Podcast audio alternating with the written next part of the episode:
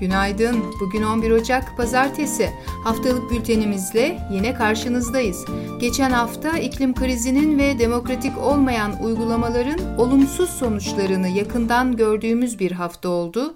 Biz de en kritik olduğunu düşündüğümüz haberleri toparladık. Bu haftaki gelişmeleri takip etmek kolaylaşsın diye. Haftanın en ilgi çekici olaylarından biri Amerika Birleşik Devletleri'ndeki sivil itaatsizlik eylemiydi. Bu konuyla ilgili Selen Özbey'in hazırladığı bölümü dinlemek isterseniz 8 Ocak tarihli Amerika'da neler oluyor bölümüne göz atabilirsiniz. Türkiye açısından da hareketli bir haftaydı. Boğaziçi Üniversitesi'ne yapılan rektör ataması özellikle üniversite mensuplarının oldukça gündemindeydi. Çoğunluğu üniversite öğrencisi olan Ne Bilsem ekibi olarak da Boğaziçi'li arkadaşlarımızın mücadelesine destek veriyoruz. Başlayalım.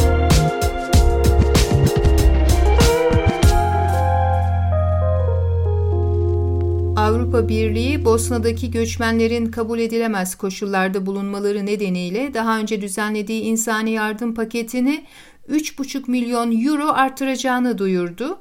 Avrupa Komisyonu daha önce bu bölgeye aktarılan fonun 5 milyon euroya yakın olduğunu ve bu yeni yardımın bu fona ek olacağını belirtti.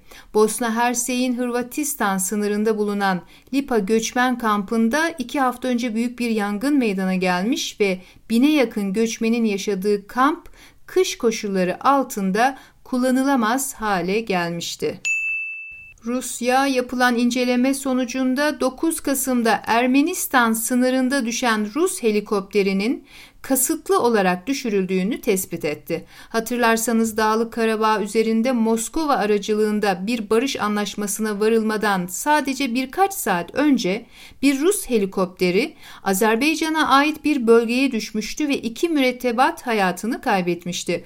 Bu açıklamanın ardından Azerbaycan Dışişleri Bakanlığı Azeri güçlerinin helikopteri kazara düşürdüğünü, Moskova'dan özür dilediğini ve tazminat ödemeye hazır olduklarını açıkladı.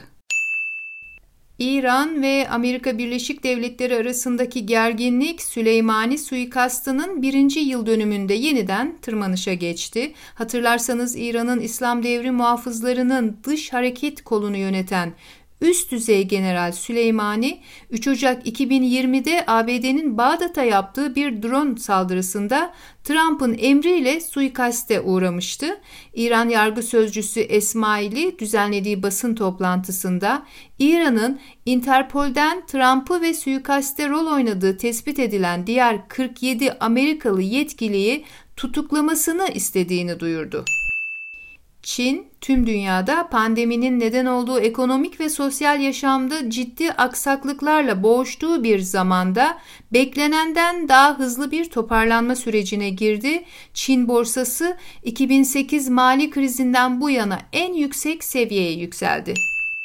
Sudan, İsrail ile ilişkilerin normalleşmesini hedefleyen ve İbrahim Anlaşması adı verilen mutabakatı Amerika Birleşik Devletleri ile imzaladığını duyurdu. Amerika Birleşik Devletleri'nde Sudan'ın Dünya Bankası'na olan borçlarını ödemesi için yıllık 1 milyar doların üzerinde kredi imkanı sağladı. Hatırlarsanız Trump yönetiminin son dönemlerinde Sudan'ı teröre destek veren ülkeler listesinden de çıkarmıştı.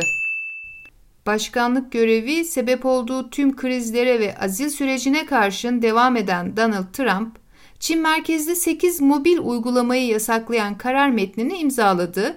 Ulusal güvenliğe yönelik tehdit olarak görülen uygulamaların arasında WeChat Pay, SamScanner gibi uygulamalar da bulunuyor. Çin Dışişleri Bakanlığı'nın yaptığı açıklamaya göre ise Çin bu firmaların haklarını korumaya devam edecek.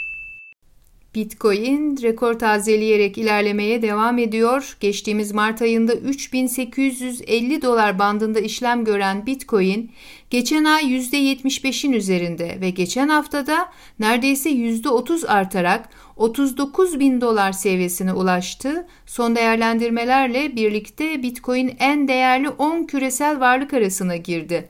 638 milyar dolarlık piyasa değeriyle Bitcoin'in toplam değeri Tesla ve Alibaba'nın hisse değerlerine yakın.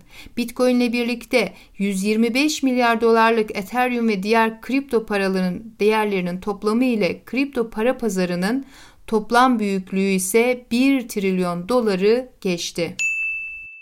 İsrail sokağa çıkma kısıtlamaları gerekçesiyle Başbakan Netanyahu'nun yolsuzluk ve rüşvetle yargılandığı davanın duruşmasını erteledi.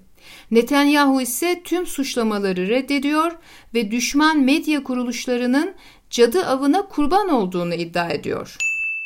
Bali'de 2002'de gerçekleşen ve 202 kişinin ölümüne sebep olan bir patlama gerçekleşmişti.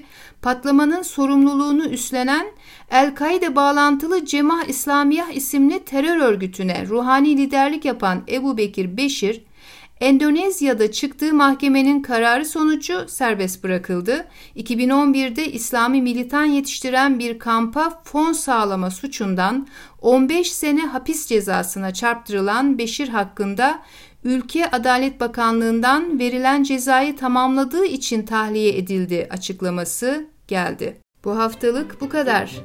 Yarın daha güzel haberlerle sesimizi duyurmak üzere. Hoşçakalın, sağlıkla kalın.